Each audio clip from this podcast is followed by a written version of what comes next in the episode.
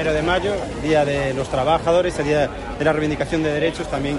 con los dos sindicatos mayoritarios de nuestras islas, con la UGT y con comisiones obreras, y por tanto un año más participando en la reivindicación de los trabajadores. Además, en un primero de mayo importante, hoy entra en vigor el convenio de hostelería en nuestras islas, hoy es efectivo, mejor dicho, el pago de los salarios a las trabajadoras y trabajadores de hostelería, un 5% más. Hoy también entra en vigor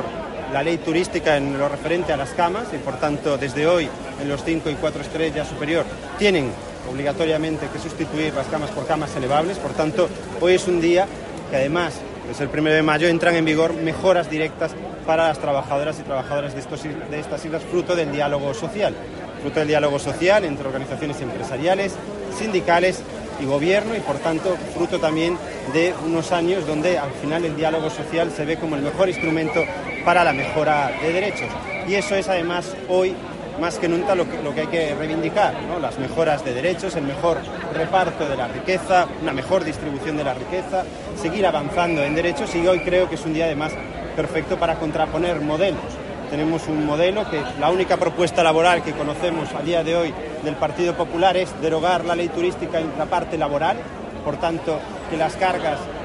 el requerimiento de cargas y por tanto los instrumentos para medir las cargas no sean una realidad en nuestras islas o que las camas elevables tampoco sean una realidad en nuestras islas. Es la única propuesta que hemos conocido del PP en materia de trabajo. Quitar derechos a los trabajadores y trabajadoras, que es lo que hacen siempre. Frente a eso, un partido socialista que se presenta a estas elecciones como garante de los derechos de las trabajadoras y trabajadores y asegurando que si continuamos gobernando, por supuesto, cualquier acuerdo eh, no solo de gobierno, sino cualquier acuerdo de diálogo social, sectorial, de cualquier ámbito entre organizaciones empresariales y sindicales, llevará aparejado mejoras directas para las condiciones de los trabajadores y trabajadoras. No participaremos de acuerdos que no incluyan mejoras directas para los trabajadores y trabajadoras como gobierno. Por tanto, esa es una de las promesas que puede hacer el Partido Socialista y lo viene haciendo en los últimos ocho años. Siempre que hemos participado de cualquier acuerdo, siempre se han exigido las mejoras en las condiciones de trabajo, que es lo que seguiremos haciendo si continuamos